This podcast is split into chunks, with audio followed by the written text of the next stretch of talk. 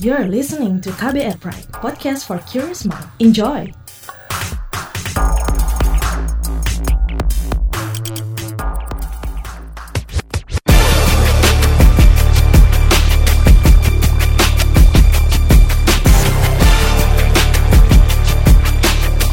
Cek fakta, cek fakta, cek fakta. Sebuah akun Facebook mengunggah gambar tangkapan layar artikel Kompas terkait TMII disertai narasi klaim yang menyebutkan bahwa Taman Mini Indonesia Indah diambil oleh Megawati dan dijual ke Cina. Bagaimana penelusurannya? Seperti apa hoax lainnya yang viral di pekan lalu? Kembali bersama co-founder dan fact-check spesialis masyarakat anti fitnah Indonesia Mavindo, Ari Bowo Sasmito. Saya Don Brady menghadirkan topik teratas periksa fakta Mavindo periode 10 hingga 16 April 2021. Hasil periksa fakta dengan tingkat engagement paling tinggi dalam forum anti fitnah hasut dan hoax serta Instagram. Podcast ini bisa disimak di kbrprime.id setiap Senin dan di aplikasi podcast lainnya.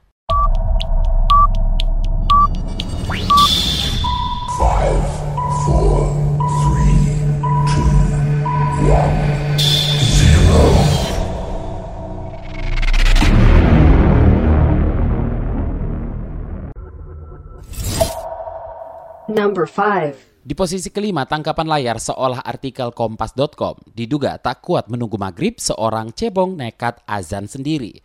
Sebuah akun Facebook mengunggah gambar berupa tangkapan layar dari indeks berita kompas.com di mana terdapat artikel berjudul Diduga tak kuat menunggu maghrib, seekor cebong nekat azan sendiri. Dengan sampul artikel yang memuat wajah Presiden Jokowi. Bagaimana nih penelusurannya? Tapi huruf yang digunakan serupa dengan berita di bawahnya nih ya, Mas Ari. Cukup rapi dan meyakinkan bagi penerima yang tak jeli nih.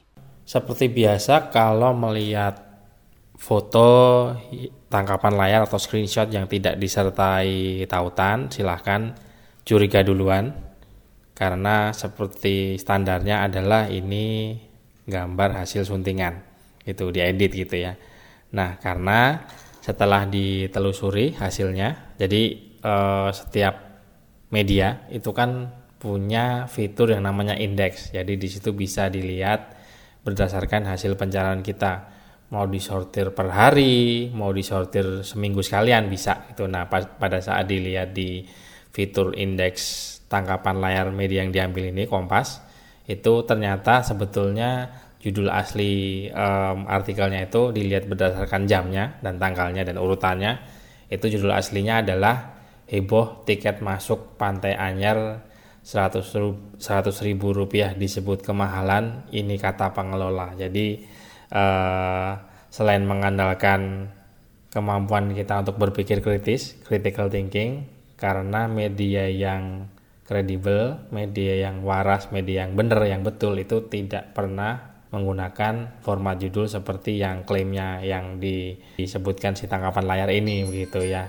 Kedua memang betul bahwa font atau jenis hurufnya itu terlihat rapi, tidak seperti tangkapan-tangkapan layar yang lainnya terlihat bahwa itu disunting diedit gitu ya. Karena kemungkinan besar ini menggunakan teknik menyunting atau mengedit dari dalam dalemannya jeroannya si situsnya gitu. Karena kan e, peramban atau browser itu kan punya kemampuan untuk menampilkan kode sumber atau source code dari si situsnya dan ada cara-cara lain yang saya tidak bisa sebutkan karena khawatirnya dibilang ngajarin gitu ya ngajarin nakal tapi toh sebetulnya sudah cukup banyak yang tahu juga fitur-fitur yang bisa digunakan untuk uh, menyunting jeroannya si situsnya begitu. Jadi uh, itu bedanya adalah dengan yang kelihatan fontnya berbeda itu biasanya diambil langkapan layar lalu ditimpa mungkin kalau biasanya warna latar atau backgroundnya si situsnya itu putih ya ditimpa warna putih lalu diketik manual. Tapi kalau yang ini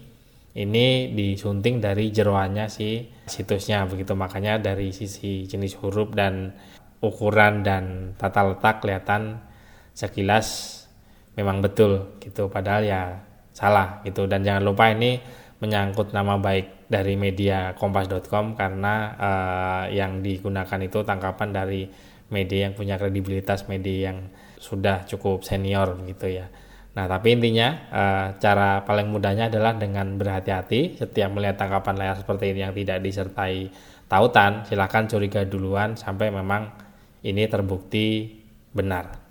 Number 4. Di posisi keempat, narasi soal TMII sekarang diambil Megawati terus dijual ke Cina. Sebuah akun Facebook mengunggah gambar tangkapan layar artikel Kompas terkait TMII disertai narasi klaim yang menyebutkan bahwa Taman Mini Indonesia Indah atau TMII diambil oleh Megawati dan dijual ke Cina. Bagaimana nih penelusurannya dan apa kategorinya Mas Hari? Hasil penelusurannya ini masuk ke konten yang menyesatkan karena tidak ditemukan informasi yang resmi dan valid dari sumber autoritatif atau kredibel yang menyatakan bahwa TMI itu diambil untuk dijual ke Cina oleh Megawati begitu ya.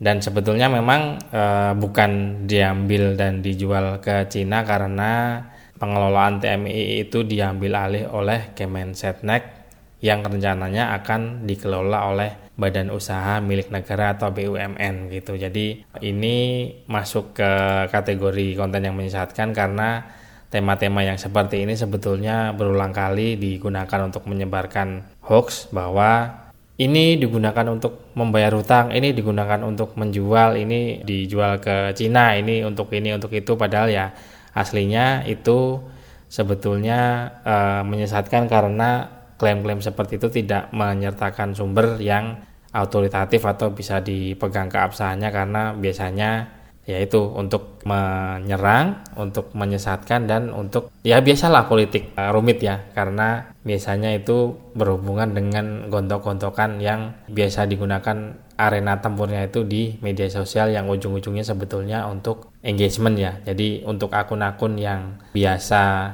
memiliki jumlah pengikut tertentu, follower tertentu yang mungkin cukup banyak begitu ya. Untuk gontok-gontokan, ribut-ribut rame-rame cakar-cakaran di media sosial itu kan untuk mempertahankan jumlah pengikutnya masing-masing gitu ya. Karena ya kalau dilihat dari sudut pandang hukum pasar, persediaan dan permintaan, sayangnya memang ya mereka itu sebutlah mereka itu produsen ya. Produsen itu kan akan mengikuti apa yang diminta oleh konsumennya. Dalam hal ini netizen plus 62 jadi kalau netizen plus 62 nya maunya memang hobinya ribut atau bahasa gaulnya tubir gitu ya bahasa dibalik ya itulah yang akan disediakan oleh produsennya Number three. Di posisi ketiga narasi soal anak-anak ngumpet karena yang datang itu bencana.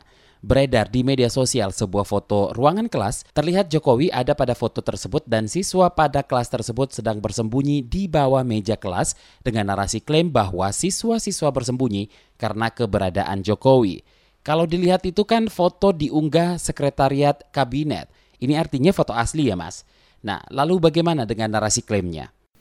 Peringkat ketiga ini masuk ke kategori konten yang salah dan HLBK juga ya hoax lama bersemi kembali karena di tahun 2019 itu sudah pernah dibuatkan artikel periksa fakta yang menggunakan bahan yang sama.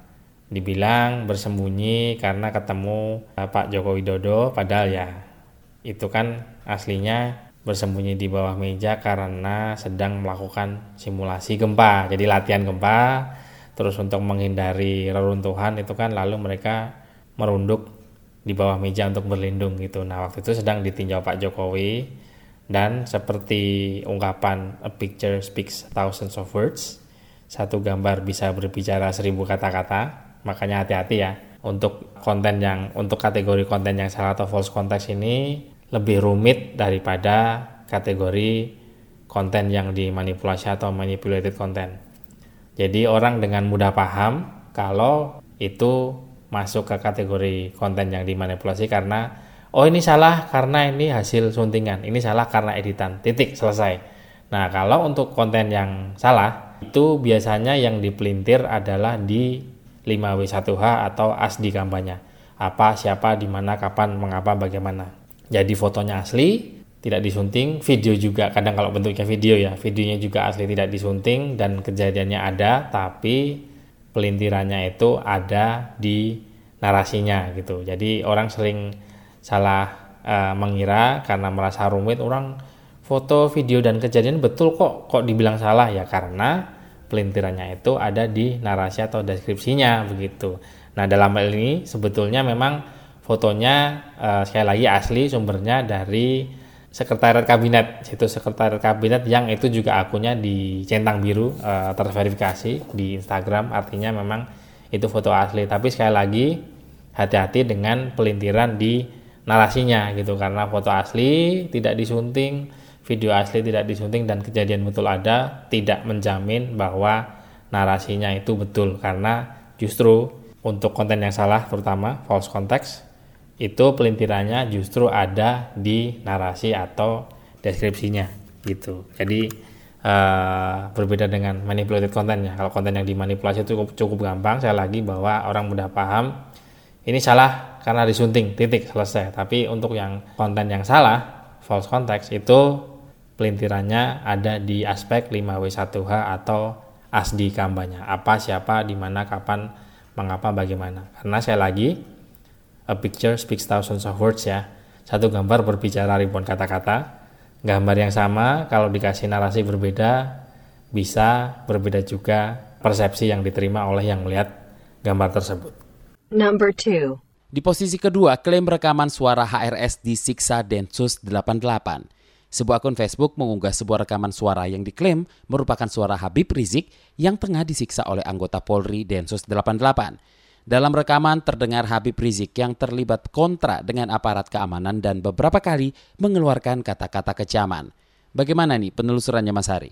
Ini masuk ke kategori konten yang menyesatkan atau misleading konten karena aslinya itu faktanya rekamannya itu berasal dari video Habib Rizik Syihab atau biasa disingkat HRS yang marah kepada aparat keamanan karena beliau menganggap bahwa sudah berbuat kasar kepada pengacaranya waktu dijadwalkan ikut sidang virtual melalui Zoom kalau nggak salah waktu itu uh, di Pengadilan Negeri Jakarta Timur dari ruang rutan rumah tahanan uh, Baris Krim Polri gitu. Jadi uh, sebetulnya videonya itu diisi oleh suara yang lain, suntingan. Jadi biar kelihatan uh, itu cocok dengan kesimpulan atau premis pelintirnya dibilangnya kan ini disiksa Densus 88 gitu. Padahal waktu itu beliau sedang marah-marah karena berkaitan dengan waktu itu beliau menolak sidang daring atau online. Tetapi karena sesuai dengan ketentuan sidang itu beliau harus hadir maka memang harus dihadirkan bukan berarti disiksa gitu ya. Jadi di situ terjadi pembelian pembelintiran konteks. Beliau sedang marah-marah lalu audionya diambil lalu ditaruh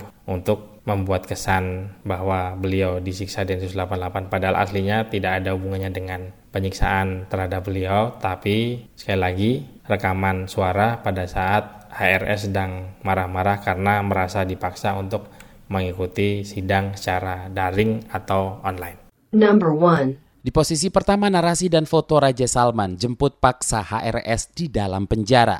Beredar video YouTube berjudul Berita Terkini, Geger, Raja Salman jemput paksa Habib Rizik di tahanan viral hari ini yang diunggah oleh kanal YouTube jurnalis pada 14 April 2021 dan seperti apa nih videonya Mas Ari dan bagaimana penelusurannya? Seperti yang beberapa kali pernah saya utarakan bahwa hoax itu kan akan mengikuti tema yang sedang trending biar lebih banyak di sebarkan karena masyarakat sedang membicarakan mengenai itu gitu. Jadi uh, dari beberapa peringkat ini temanya HRS karena memang berkaitan dengan HRS yang sidangnya sampai per kami membuat artikel periksa faktanya ini masih berlangsung. Nah, ini ada video uh, yang di thumbnail atau thumbnail itu gambar yang muncul pada saat sebelum ditekan tombol main atau play itu uh, seperti kalau di YouTube itu kan ada gambarnya begitu. Nah, thumbnail itu gambar seperti itu. Nah, pas diteliti ini masuk ke konten yang dimanipulasi karena sebetulnya gambar yang digunakan untuk thumbnail video tersebut adalah gambar hasil suntingan gitu. Jadi